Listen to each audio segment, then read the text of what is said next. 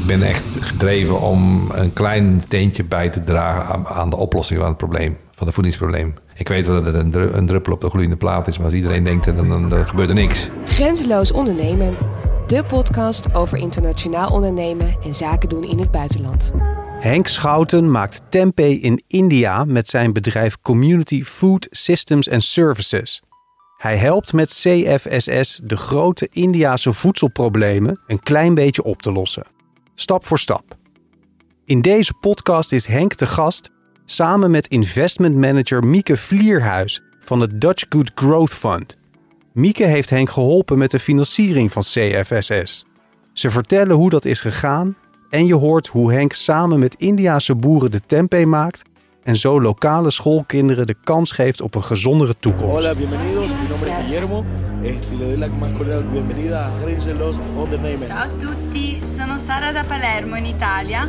State ascoltando Grenzeloos Ondernemen. Ciao ciao! Hi, this is Paul T from the City of London in the UK. You are listening to Grenzeloos Ondernemen. Dit is Grenzeloos Ondernemen. De podcast over ondernemen en zaken doen in het buitenland.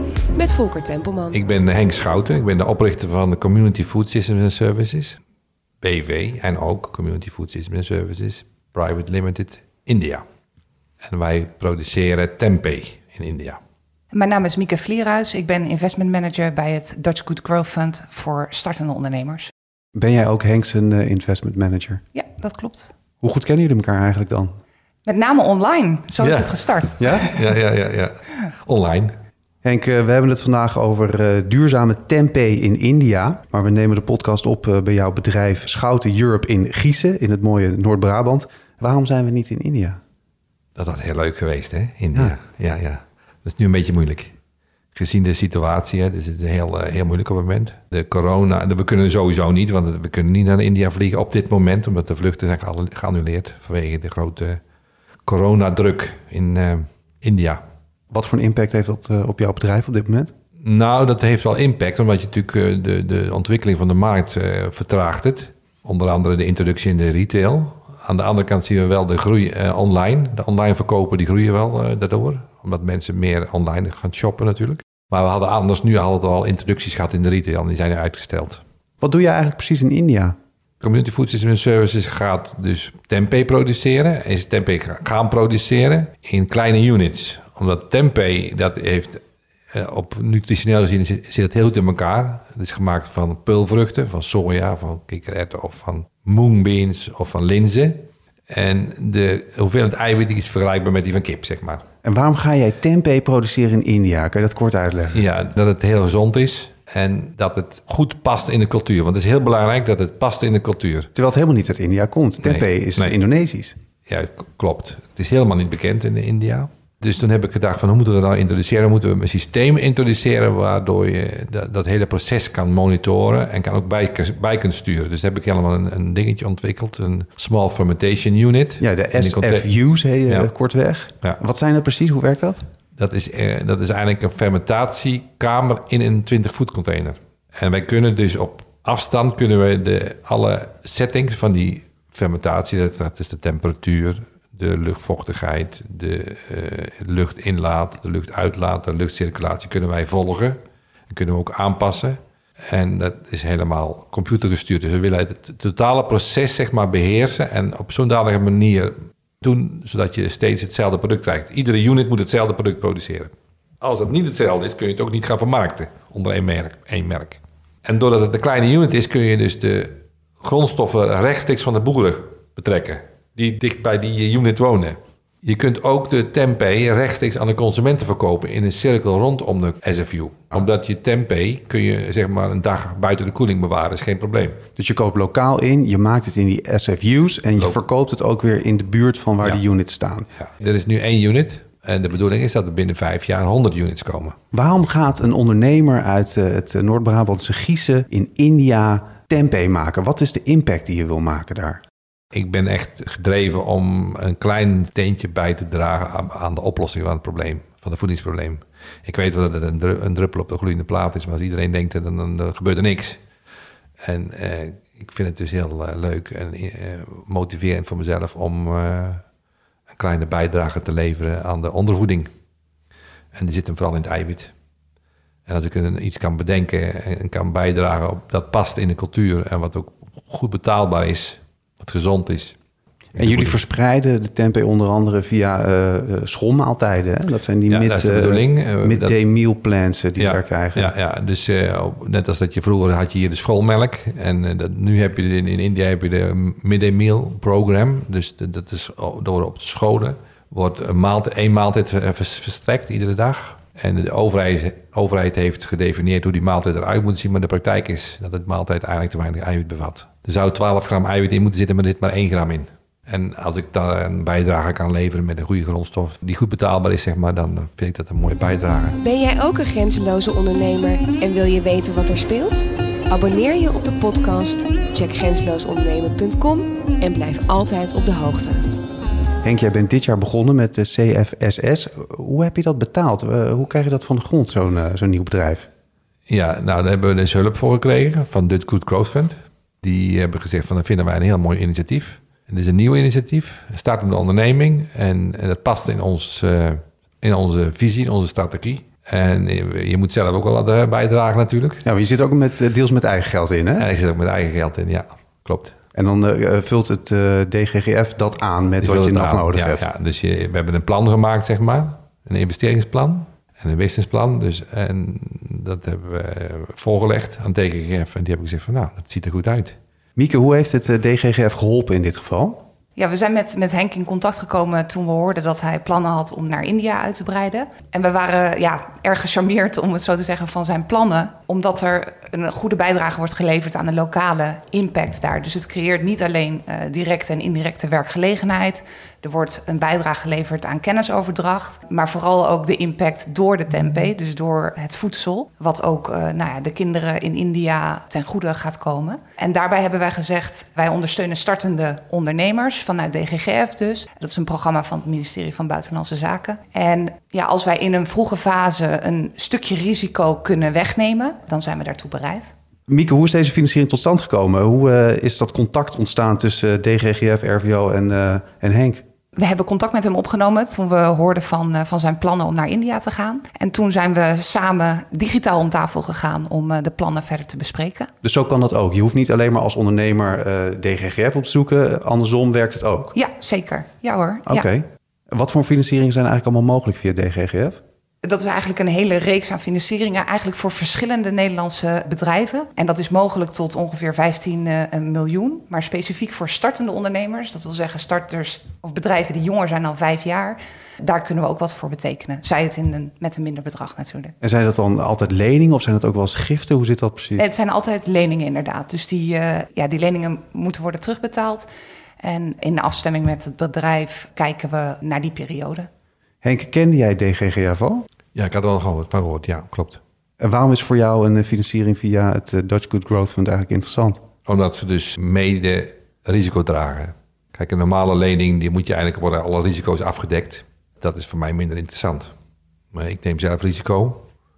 Als ik dan geld kan lenen dat ook risicodragend is, zeg maar, dat is eh, interessant. En de condities zijn goed. Ik moet natuurlijk tegengeven op de hoogte houden van ontwikkelingen. Ja. Mochten er veranderingen zijn.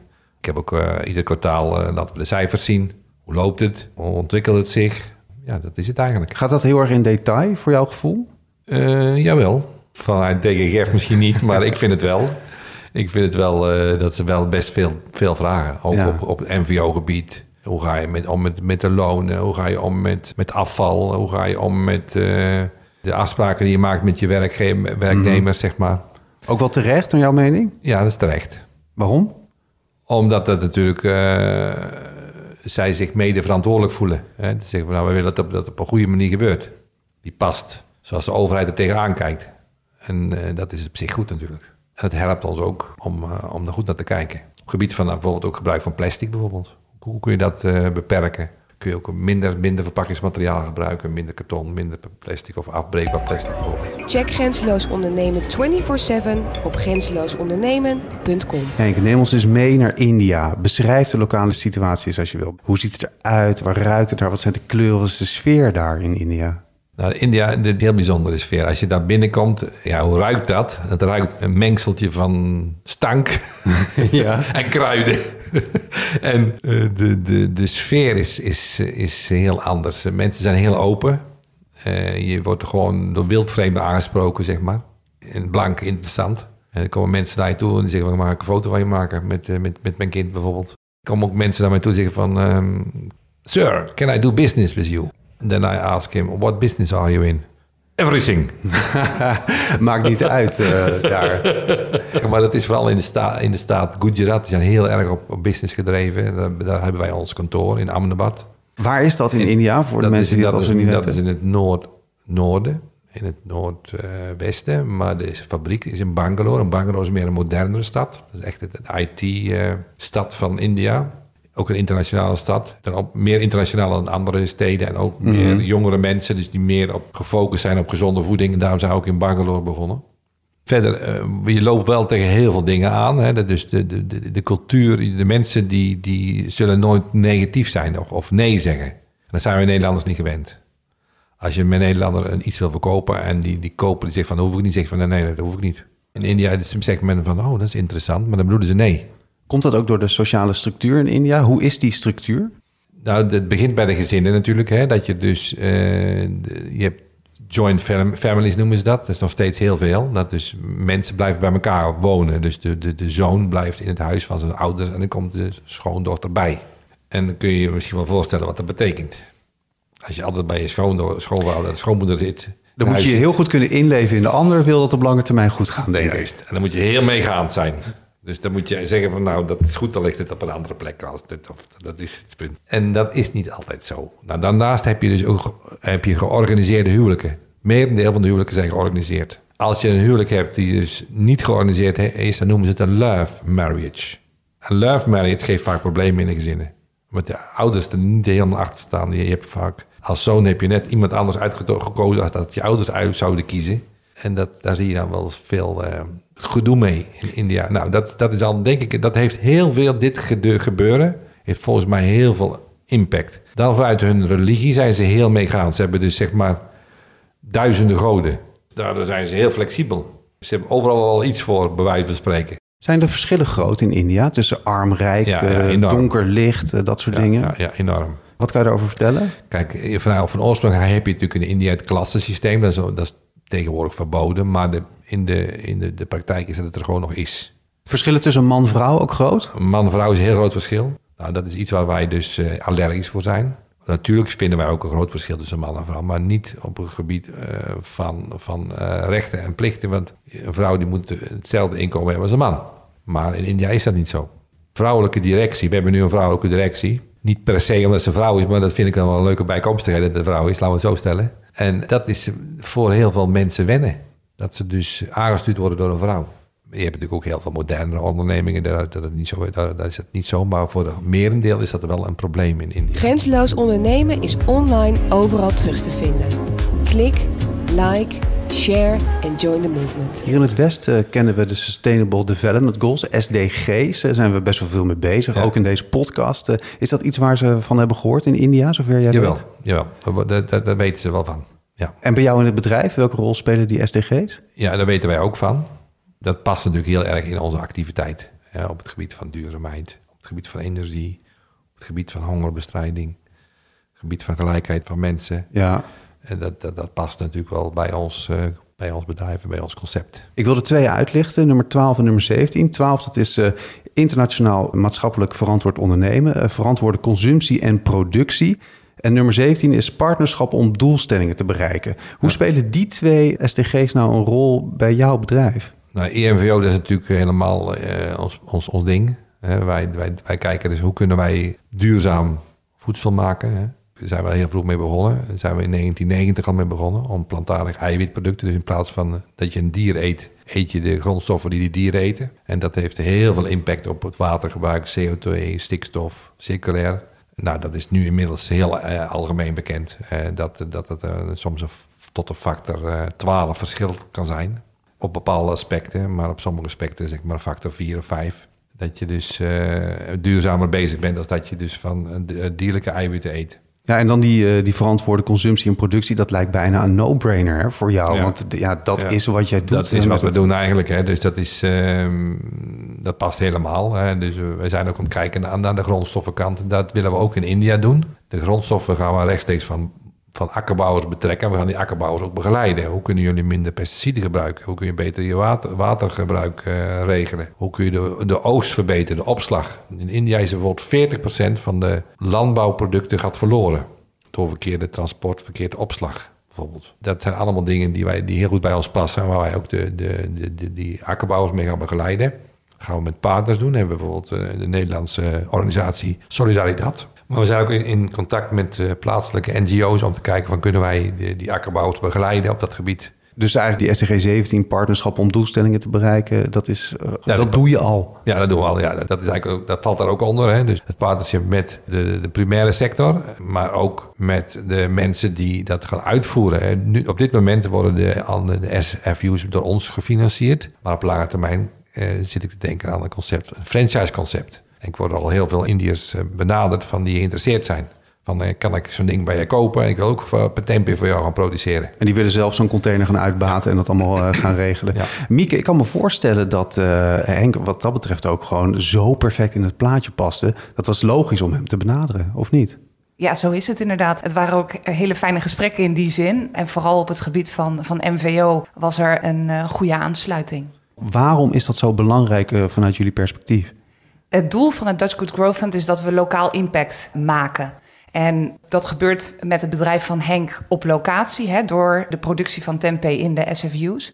Maar daarbij wordt de tempeh ook ingezet als voedingsrijk ingrediënt voor de voeding in India. Dus ja, het mes snijdt eigenlijk aan twee kanten op impactgebied. Van start-up tot multinational, van broodjeszaak tot tech company en van Kaapstad tot Bogota.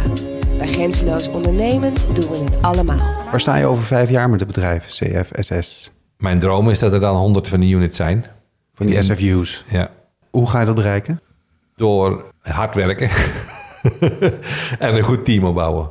En eh, goede mensen vinden in India. Ik ben nu naar een eh, directeur aan het zoeken die, dat, eh, die die kaart kan trekken. Je moet een heel team gaan opbouwen op het gebied van, van inkoop, van verkoop, van kwaliteit.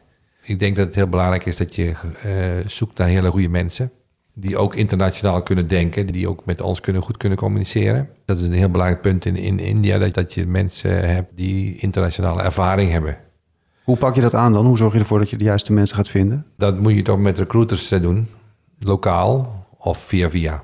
Mensen die je goed kent. Dat doe ik ook. Dus ik, ik, ik heb het ook uitstaan zeg maar, bij eh, allerlei mensen die ik in de loop van de jaren heb leren kennen. Is het voor jou ook in coronatijd niet essentieel, eh, want je kan er niet heen, maar om daar te zijn? Ja, eigenlijk wel, maar ja, dat kan niet. Dus ik, ik had er nu ook zitten, moeten zitten eigenlijk. Ik, ik had gepland om er nu te zijn, zeg maar. Het is wel belangrijk om er te zijn. Ander punt is ook, wat, wat belangrijk is denk ik, ook om, om dat we kunnen bereiken, dat je je ook bezighoudt met het detail. Je kunt het niet laten gaan. Je moet echt er bovenop zitten in India. Zou je zeggen, Henk, dat dat dan ook een van eh, jouw business tips is? Eh, ik vraag altijd naar de drie belangrijkste business tips in uh, ondernemen aan de ondernemers. Het vinden van lokale mensen om in, in jouw geval goede, een goede directeur te kunnen vinden. Ja, ik denk dat het de lokale partners heel belangrijk is. Dat hebben we ook in de afzet. Dus niet alleen in het zoeken van mensen, maar ook in de verkoop naar de retail en de foodservice hebben we een lokale partner die dus de exclusieve verkoop heeft van onze producten. Heb je dat door schade en schande geleerd? Deed je dat vroeger anders? Of wist je van vroeger al van eh, je moet met iemand uh, lokaal? Nou, van India wist ik dat wel, omdat de Indiase cultuur natuurlijk zo verschrikkelijk uh, verschillend is van, van onze cultuur. Dat het heel belangrijk is om, om, om een lokale, goede lokale partner te, te hebben. En dat, dat wordt ook eigenlijk in, in ieder seminar over India wordt ja. dat gezegd van zoek een goede lokale partner. Dat, uh, de praktijk het, wijst dat ook wel uit. Ben ik het wel mee eens. Jouw tweede internationale business tip? Die heeft hier ook mee te maken dat je een goede een exit uh, clausule hebt. Dat je er ook wel makkelijk mee kunt stoppen weer. Wat bedoel je dan precies? Moet Met je... die partner.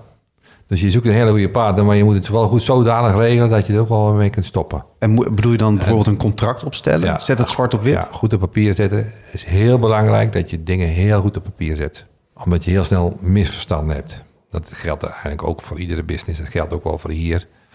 Maar uh, in India denk ik dat het echt heel belangrijk is om, goede afspraken te hebben. En die goed vast te leggen met elkaar. En dan nog een tip is klein beginnen. Dus niet te groot denken van dit is zo'n gigantisch groot land. Ik ga hier even een enorme fabriek neerzetten en ik ga dat eens eventjes regelen hier. Ik kan beter klein beginnen. Stapje voor stapje. Zie je het misgaan bij eh, mensen die ook eh, de stap zetten naar het buitenland? Ja, er zijn natuurlijk best heel veel ondernemingen die ook in India nog steeds geen winst maken. Grote ondernemingen. Omdat ze dat toch eh, onderschatten. Het is moeilijk. Het is een moeilijke markt. Ik denk inderdaad, door, door klein te beginnen kun je leren. En leer je heel veel. En als het dan fout gaat, dan, dan, is het... Dat is niet zo erg. En dan kun je shutje een keer en dan ga je weer verder. Maar als je natuurlijk heel veel investeringen doet, grote investeringen... en je doet het heel groot aanpakken, dan, dan kan je niet, niet zo makkelijk stoppen. Of veranderen, of bijsturen. Henk, tot slot, je bent een eh, door de wol geverfde internationale ondernemer.